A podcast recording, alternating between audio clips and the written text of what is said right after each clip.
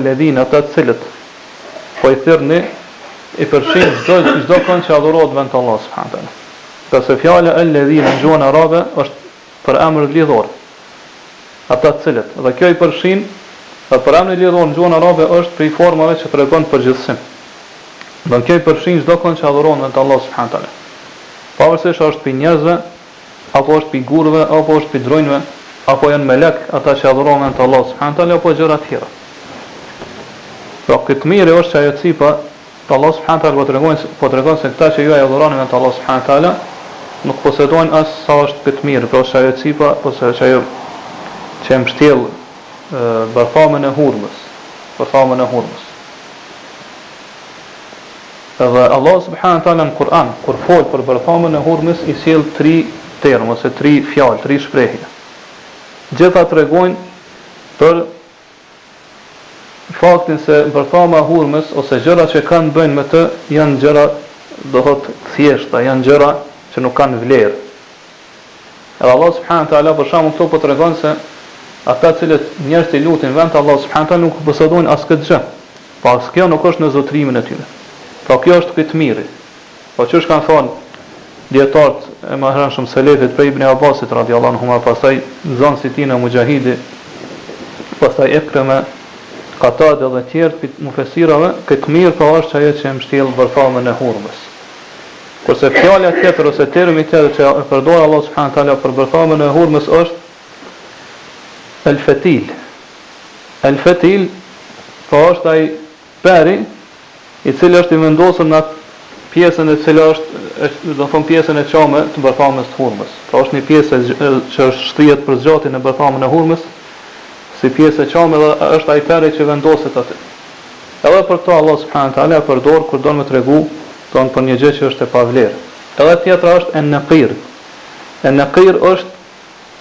Ajo vrima e cila është në majën e bërthamës së hurmës. Po këto tri shprehje i gjejmë Kur'an edhe Allahu subhanahu wa taala zakonisht kur i sjell edhe fol për to ose kur sjell krahasime me to qëllimi është që po don me tregu se ajo do thot ajo gjë me cilën po e krahason nuk nuk ka vlerë te Allahu subhanahu wa taala pra është shumë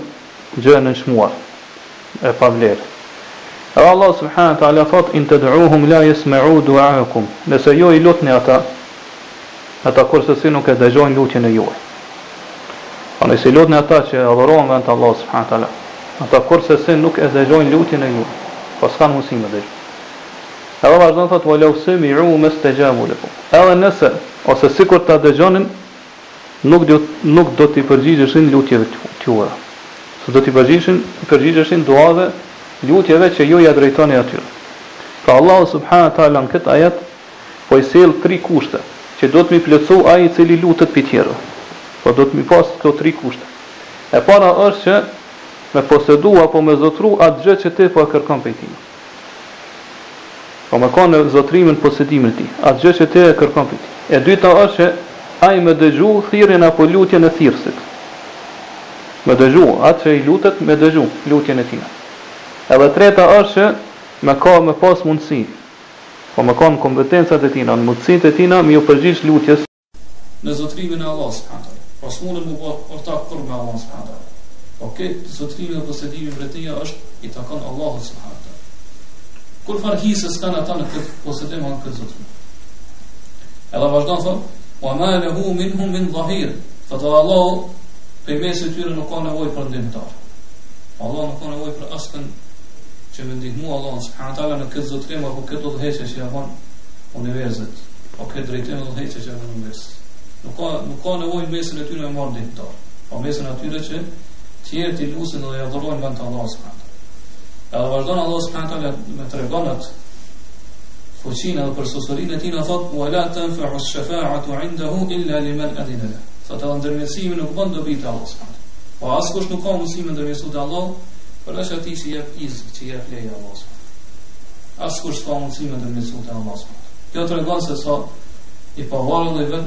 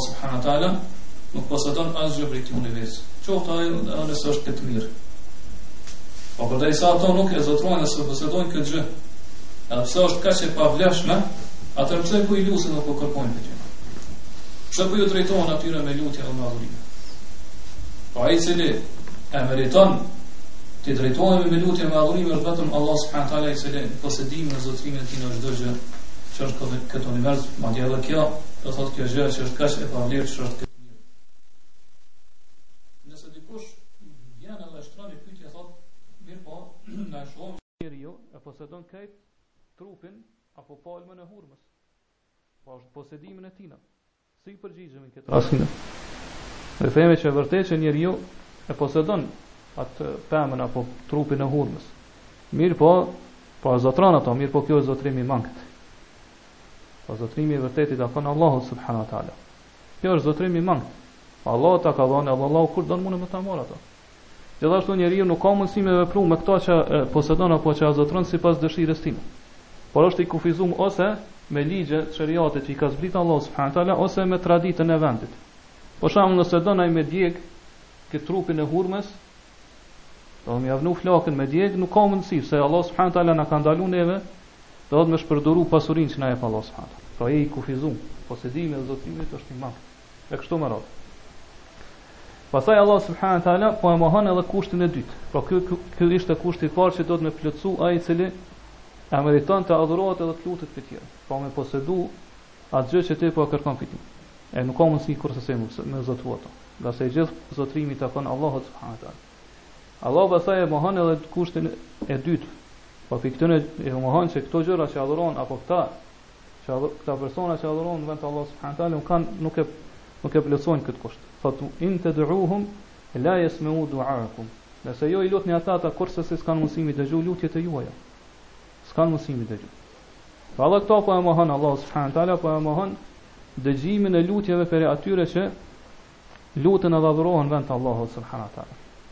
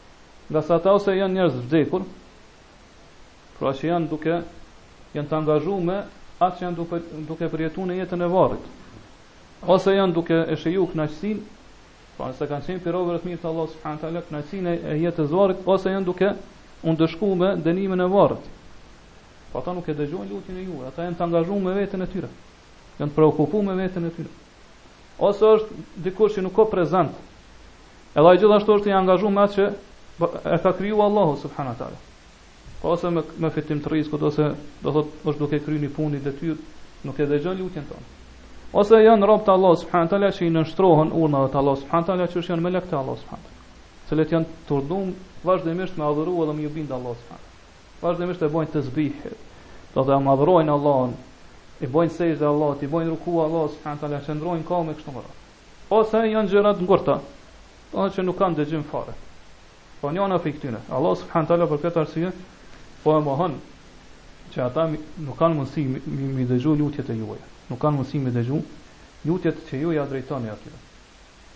A nëse dikush prej mushrikëve vjen edhe sjell një dyshim dhe thot Allah subhanahu taala në këtë ajet e ka për qëllim vetëm për idhujt, apo për gjëra që janë ngurta. Kurse sa i përket melekëve, pejgamberëve, njerëzve të devotshëm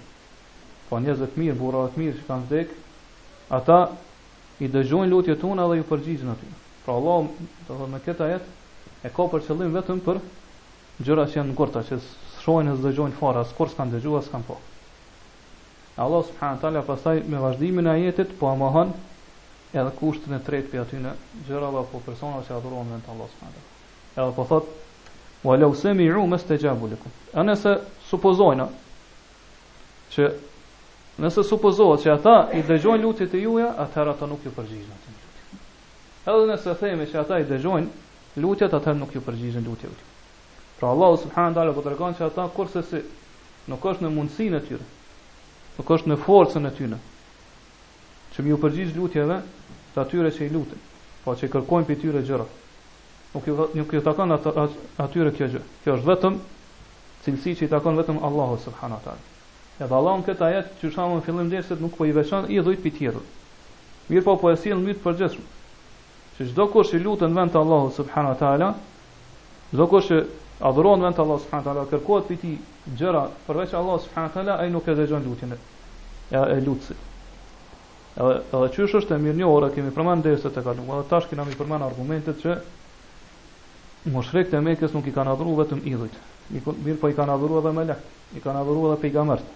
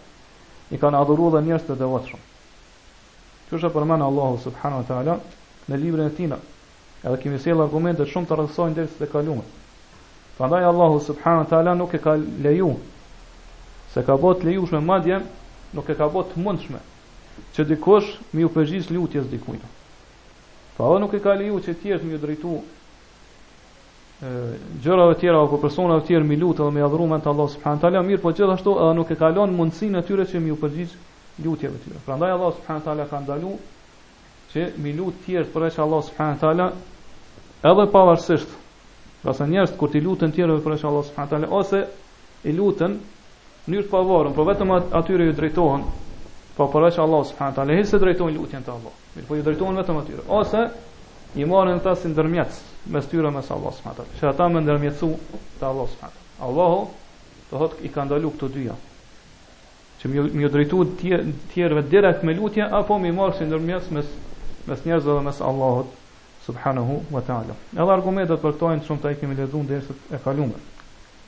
Prandaj nëse kjo është realiteti i atyre që thirrën edhe lutën vend të Allahut subhanahu wa taala, pra që nuk i plotësojnë këto tri kushte që Allah i ka përmend këtë ajet, atëherë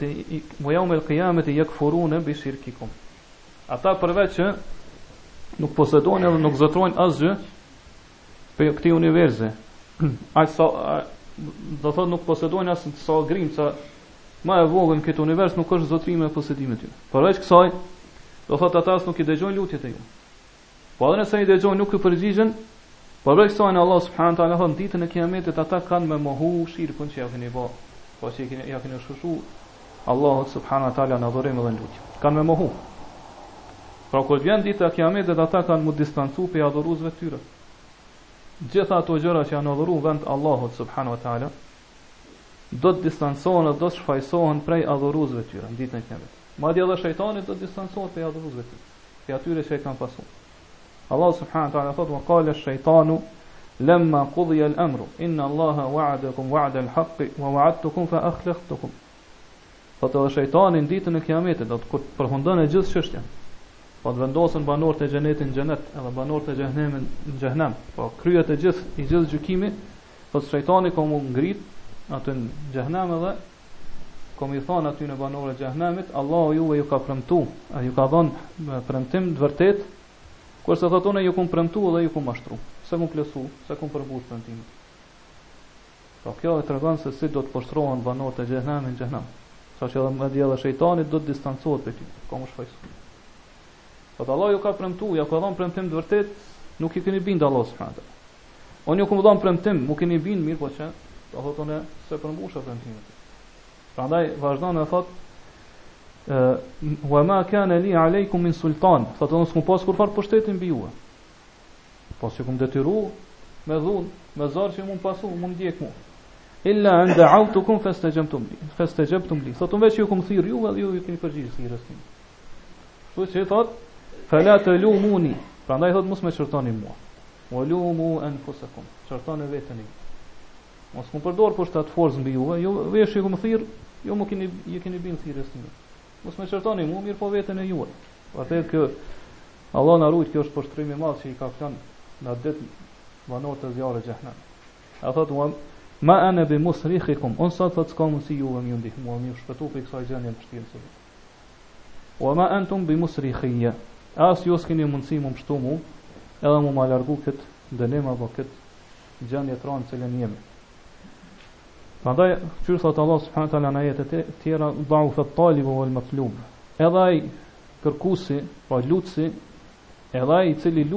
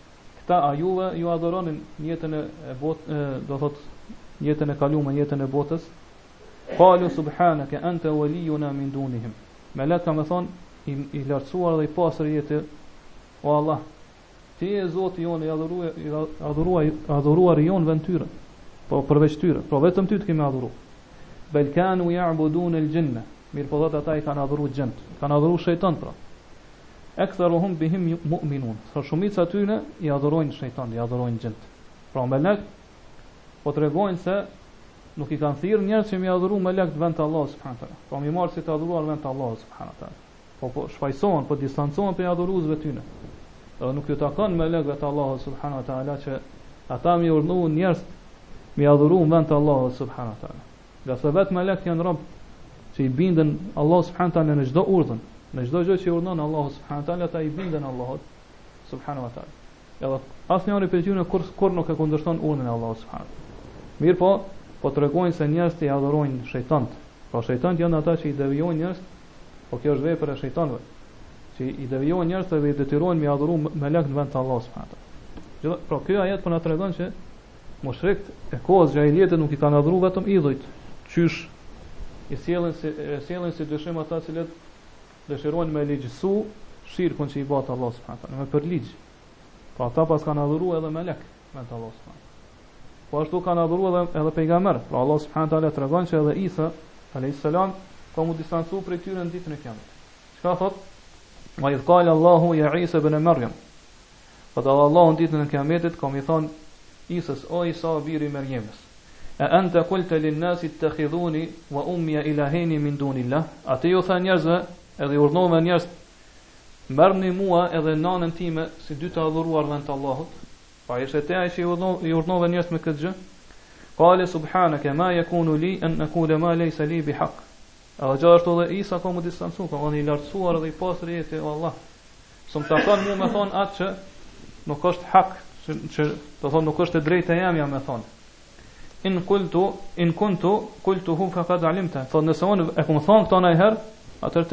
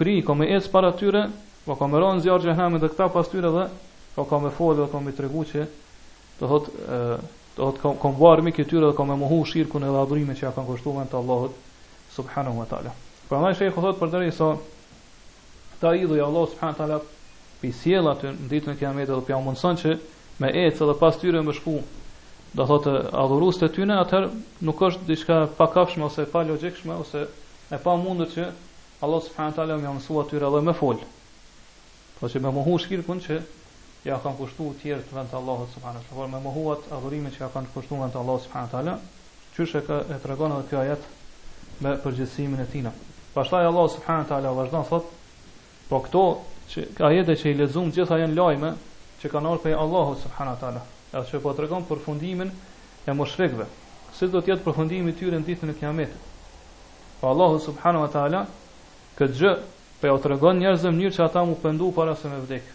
M'u pendu dhe m'u kthy te Allahu subhanahu wa taala. Dhe kjo tregon për mëshirën e Allahut që ka ndaj njerëzve, ndaj robërve të tij. Po Allahu subhanahu wa taala po tregon, po i tregon njerëzve se çfarë përfundimi ju pret nëse ju vdisni në shirk. Prandaj në fund këtyre ajeteve Allahu po thotë Wa la junebbi, junebbiuke mithlu khabir. Dhe askush nuk ka mundësi me të njoftu ty, si, sikurse ai i cili është i gjithëdijshëm, që është khabir. Po askush s'ka mundësi me t'i sjellë këto lajme, me të tregu ty me si do të jetë përfundimi, përfundimi i gjitha i çështjeve, po përfundimi i njerëzve në ditën e Kiametit. Përveç ai që është Khabir, po që i din këto gjëra, ai është Allahu subhanahu wa taala. Sheh Uthejmini thotë se kjo është një shembull që arabët e sjellin kur ti ja e njofton dikon për një për një lajm edhe do thotë tek ai vren dyshim, po që s'po ta pranon lajmin.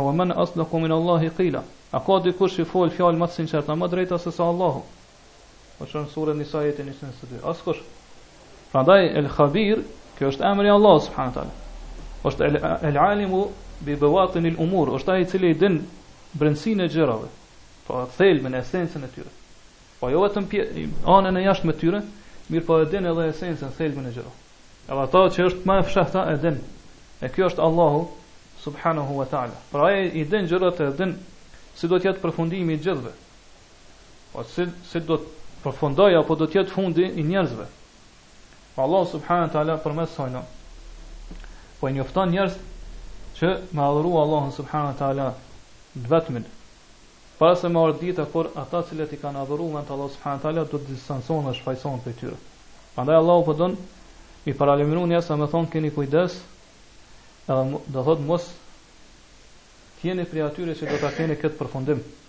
Dhe kjo është mëshirë prej Allahut subhanahu wa taala. Pra vetëm Allahu është ai i cili na njofton neve për për çështjet, përfundimin e tyre, rezultatet, pasojat, edhe për çdo gjë tjetër, do thotë që do të ndodhë në ditën e Kiametit.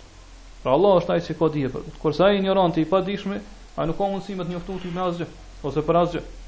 Edhe nëse të njofton për diçka atëherë, lajmi i tij është i rrejshëm.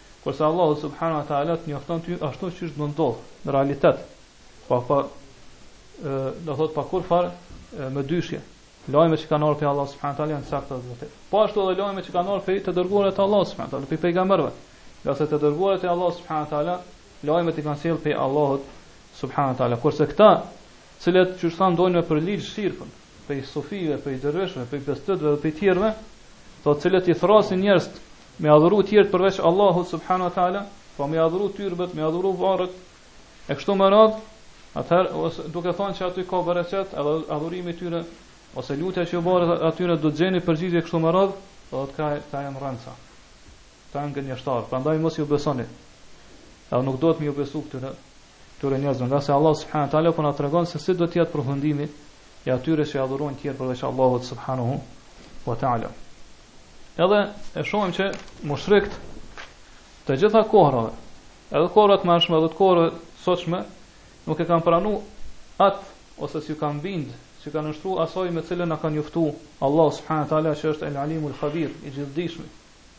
Pra ai i cili e din çdo gjë, edhe esencën edhe thelbin e tyre. Po që Allah subhanahu taala na ka tregu se çfarë do ndodhë me ta dhe me të adhuruarit e tyre. Prandaj këta mushrik po me gjendjen e tyre sikur kanë fol, po jo me gjuhën e tyre, ngase ata e mohojnë edhe s'e pranojnë që i bojnë shirk Allahut subhanahu taala. Mirëpo me gjendjen e tyre Ata sikur po thonë se këto gjëra që i lusin mënjanë Allahut subhanahu taala këto posedojnë, zotrojnë diçka për këtë univers. Apo që këto i dëgjojnë lutjet tona. edhe që ju përgjigjen lutjeve të atyre që ju drejtohet me lutje. Po gjendja e tyre tregon këtë, këtë ngase ata kanë këm, kanë këmbgul edhe kanë vazhduar me adhuru ata, me ju lut atyre. Edhe pse Allah subhanahu taala ka ndalu ata, kanë kanë vazhduar me kërkuar ndihmë dhe shpëtim prej tyre.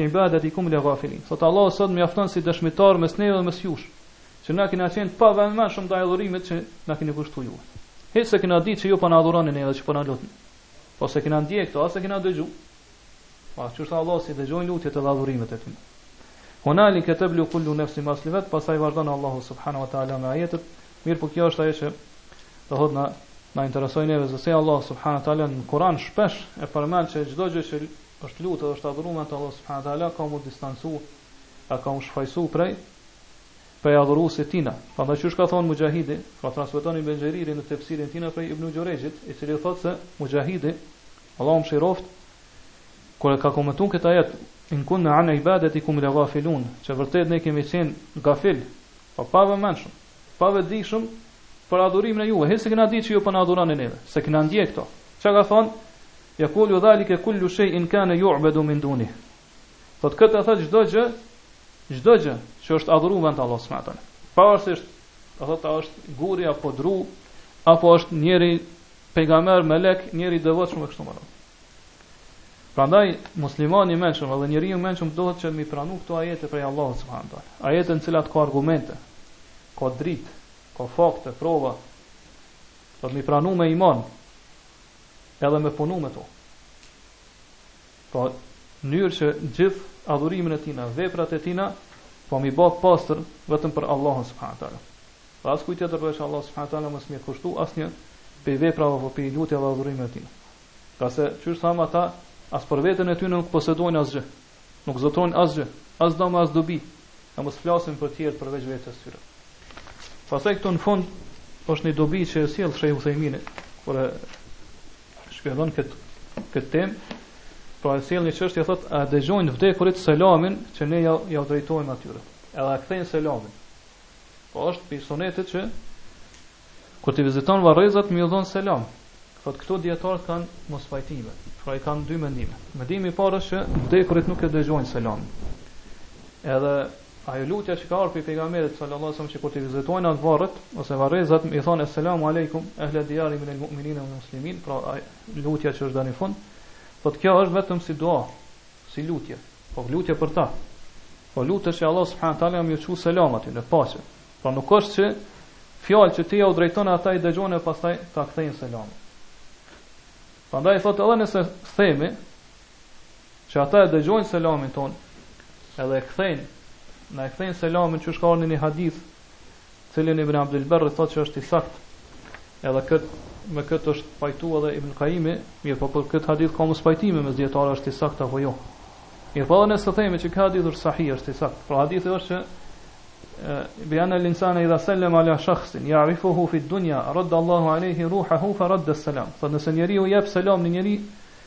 njeriu pranë një të vdekurit që e ka njohur në dunja, Allahu ia kthen shpirtin atij dhe ia kthen selamin tij.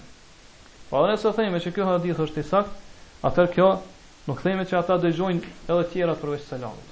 Pra është i veçantë vetëm për selamin. Pra e dëgjojnë vetëm selamin edhe kthejnë ato. Po kjo nuk do thotë domosdoshmërisht që ata i dëgjojnë edhe fjalët e tjera apo lutjet që jau drejton tjerë tjerë atyre kështu me radhë.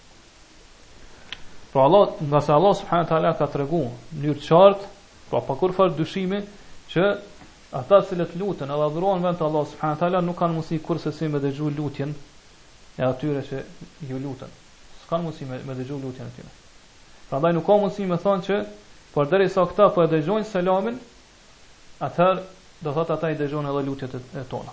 Ngase kjo është me mohu atë që e ka njoftu Allahu subhanahu taala në Kur'an. E kjo është kufër.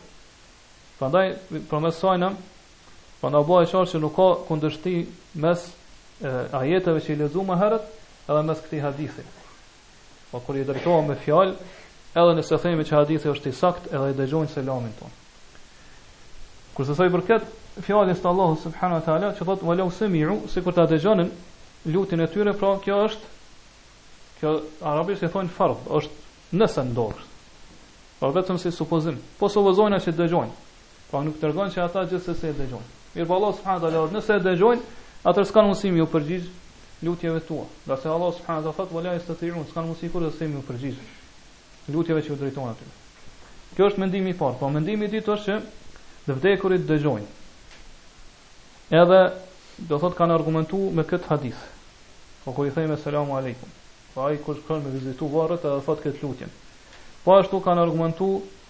Do thot me hadithin që pejgamberi sallallahu alaihi wasallam ka tregu se i vdekuri, pra kur ata të cilët e kanë përcjell deri te varri, edhe e kanë varros kur të kthehen për shtëpitë e tyre, i dëgjon kërcimat e këpucave të tyre, zhurmën e këpucave të tyre e dëgjojnë. Pra hadithin e transmeton Buhariu, prej Enesit radiallahu anhu, është hadith i saktë. Mirpo argumentimi për këto dy hadithe që i kanë sjellë këta, sa i përket të parit, qysh thamë, edhe nëse e dëgjojnë lutjen, atëherë kjo nuk kërkon domosdoshmërisht që ata i dëgjojnë edhe fjalë tjera apo lutjet e kështu me radhë. Nuk do thotë, nëse e dëgjojnë selamin, atëherë e dëgjojnë vetëm selamin, po jo edhe fjalë tjera që folën mbi varrin e tyre prej të gjallëve. Për këtë arsye muslimanët kur i kanë dhënë selam pejgamberit salasem gjatë jetës tij në tehijat, eselamu alejke ayyuhan nabi, selamu qoftë mbi ty o pejgamber, Kjo nuk pejgamberi sa nuk e ka dëgju selamin e tij. Po kjo nuk, nuk kuptohet që nëse i jep selam atëherë se ai më dëgju. Po edhe nëse e dëgjon selamin qysh ka në këtë hadith. Nëse e pranojmë atë që do thot e, qëllimi i hadithit është që ata e dëgjojnë selamin tonë, po jo, jo si dua, qysh thamë më herët, atëherë nuk do thotë që i dëgjojnë edhe fjalët e tjera. Por sa i përket argumentit të dytë, atëherë themi që kjo kjo hadith ka ardhur vetëm për një kohë të veçantë. Po për janë ka, ka tregu që kur të largohen ata të cilët e kanë përcjellë të vdekurin, ata e dëgjojnë ai i vdekuri, ose i varrosuri e dëgjon zhurmën e këpucave të tyre. Jo ma shumë. Po për janë nuk ka thonë që ai i dëgjon do thotë edhe, edhe, edhe fjalët apo zhurma tjera që bëhen po, tek varri i tina. Sidoqoftë do thotë, këto dy, dy mendime që i kanë thonë dijetarët prapë se prapë nuk tregojnë se të vdekurit i dëgjojnë lutjet e atyre që